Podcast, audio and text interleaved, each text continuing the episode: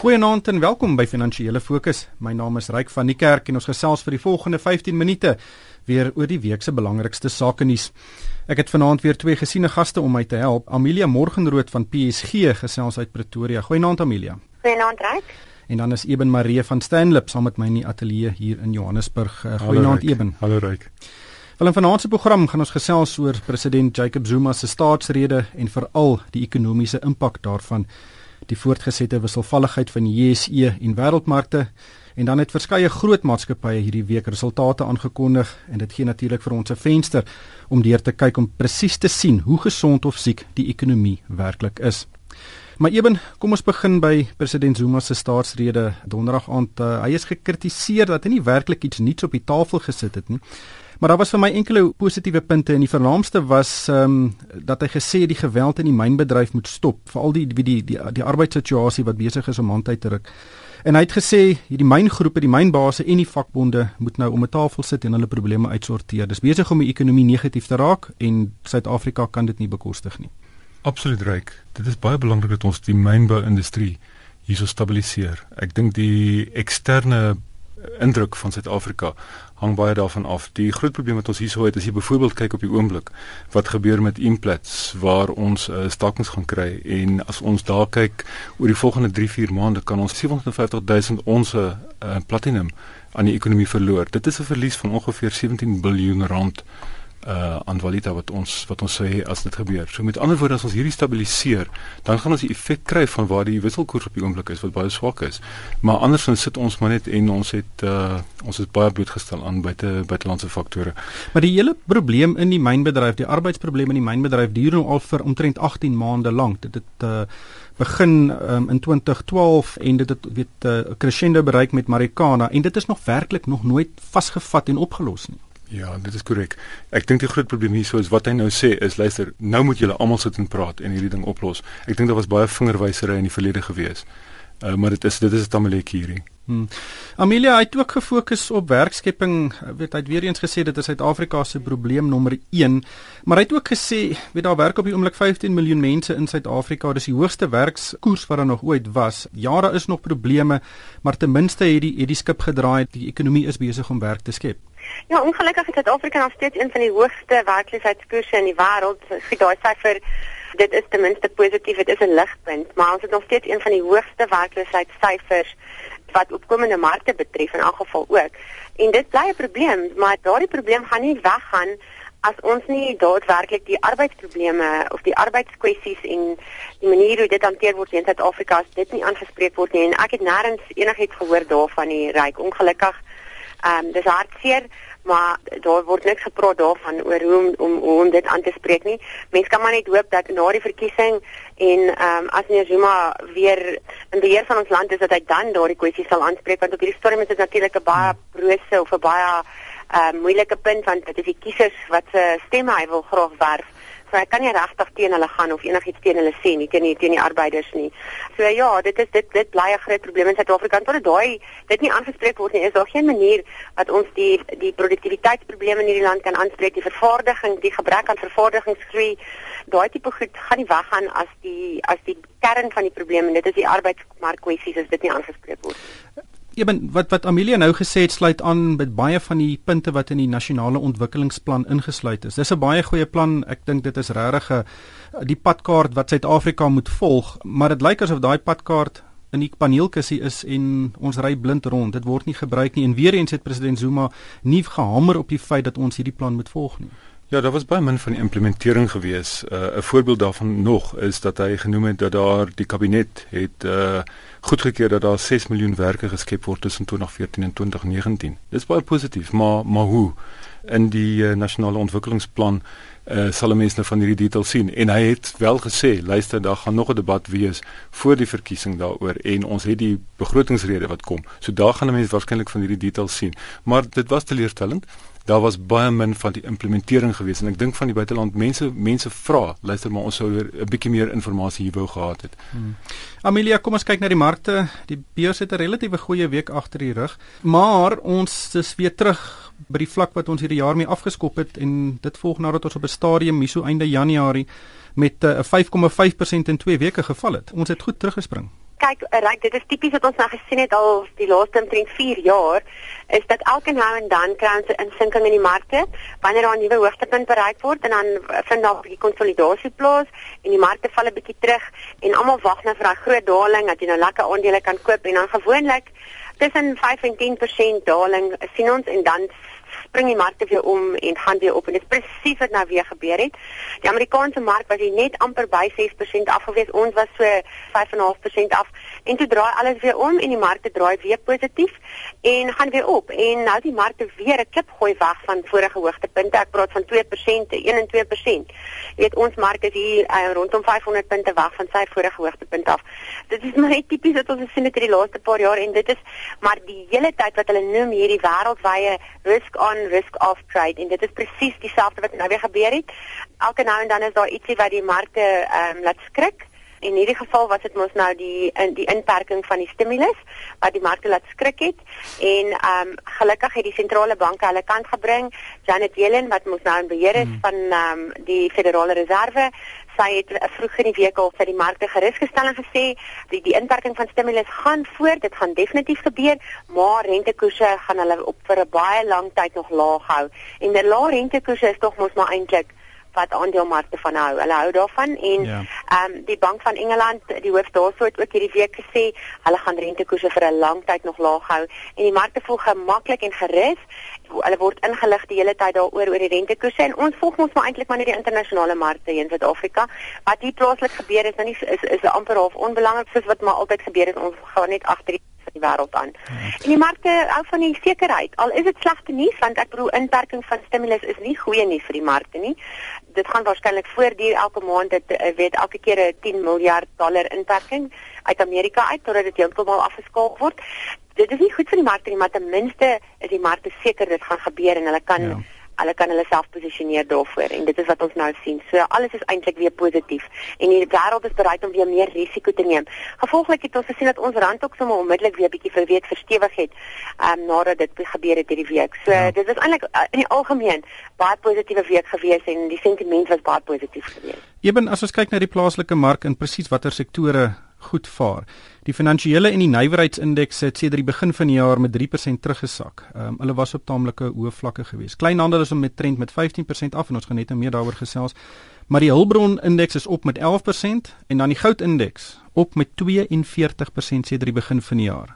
So die Suid-Afrikaanse mark het nou nog altyd die ding gehad dat as jy uh, as die goudprys uh, en as as as jy weet as die rand begin uh, verswak dat jy die goudindeks uh, en daai indeks wat op 'n marginale basis is baie goed presteer en dit is wat jy hierso gesien het. Ek dink wat wel belangrik is hierso is as jy gaan kyk na die na die bulk van ons aandele. Dit is waar ons besig is om swaar te trek en as jy kyk na die mark as 'n geheel dan is ons besig om bietjie houe te vat. Ons kyk na die na die kleinhandelsektor byvoorbeeld en uh ons gaan nou praat oor van die van die maatskappye daarso, maar van hulle trek swaar en dit is 'n uh, direkte gevolg van die die verbruiker wat op hierdie stadium swaar kry. Amelia, jy's aan in Pretoria. Ek is seker jy's 'n blou bil, maar is jy 'n goudbil? Ongelukkig was ek nog nooit nie. Ek ek hang meer die Warren Buffett tipe beginsels aan en eh, vir my is dit 'n probleem met goud, jy weet. Ek ek verstaan nie regtig goud nie. Ek verstaan nie, weet dit word nie regtig gebruik in in die industrie nie. Of weet nie regtig 'n industriële aanwending nie. Dis meer 'n emosionele ding en en dit word gekoop vir ander redes en dit lewer nie vir jou behoorlike dividende as goud hmm. self nie.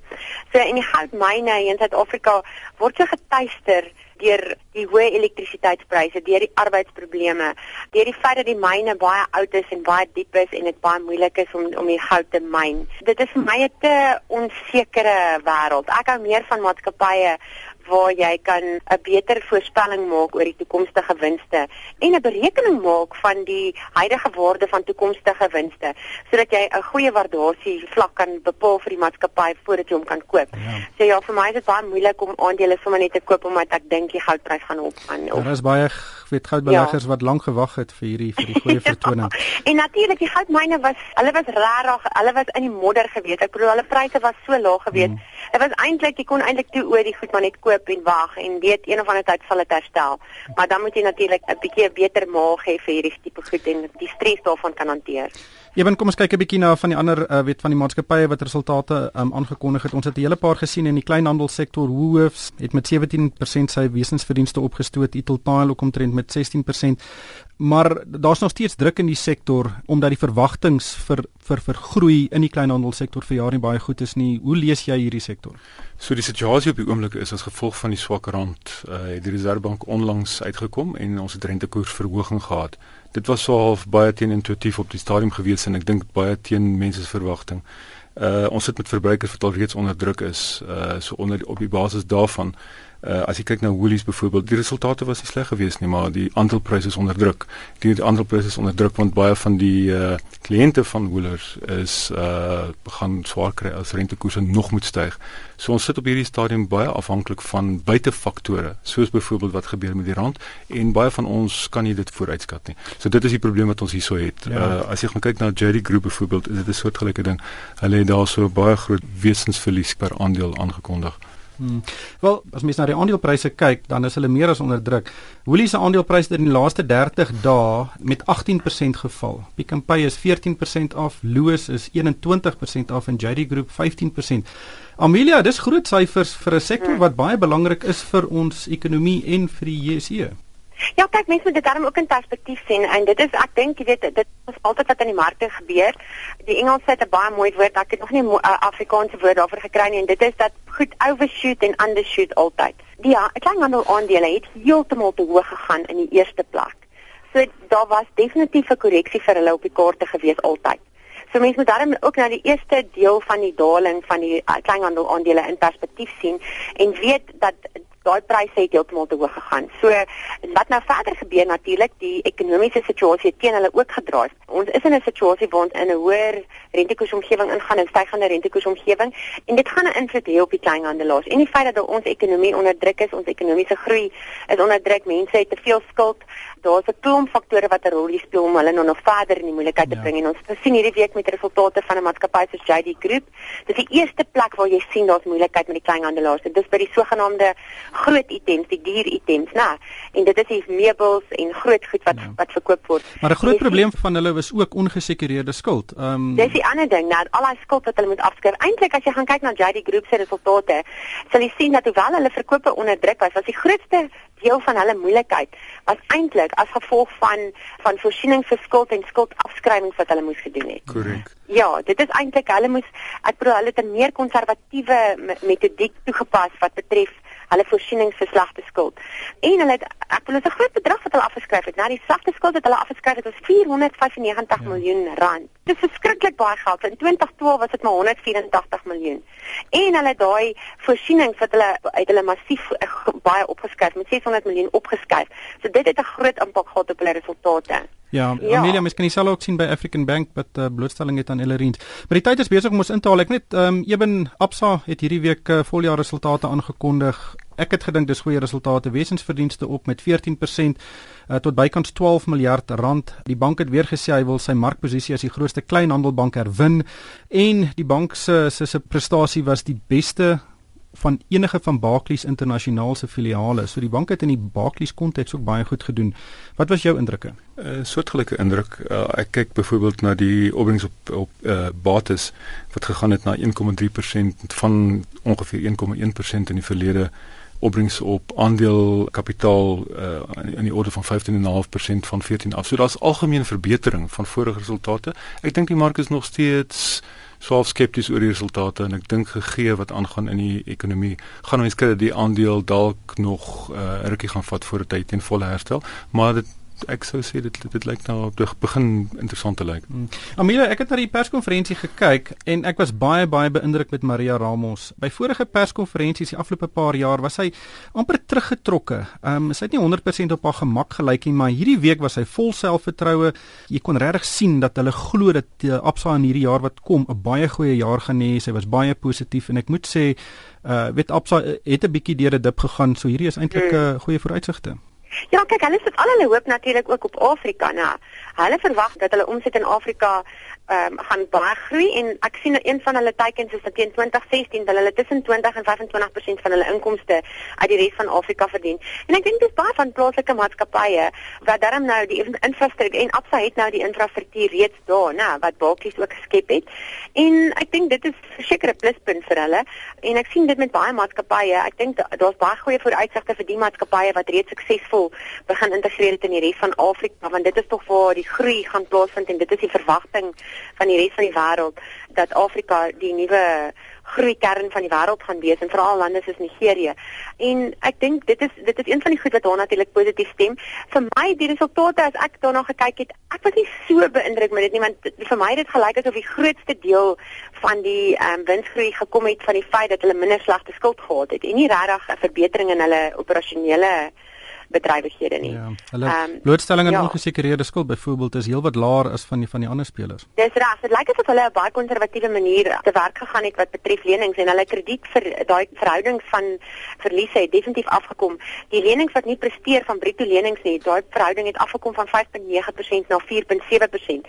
So Absa is al lank in die land en hulle weet hoe om 'n bank te bedryf en hulle het natuurlik die regte beleid um, toegepas ja. om te keer dat hulle verder dat hulle baie groot ehm um, slegte skuld verder kry.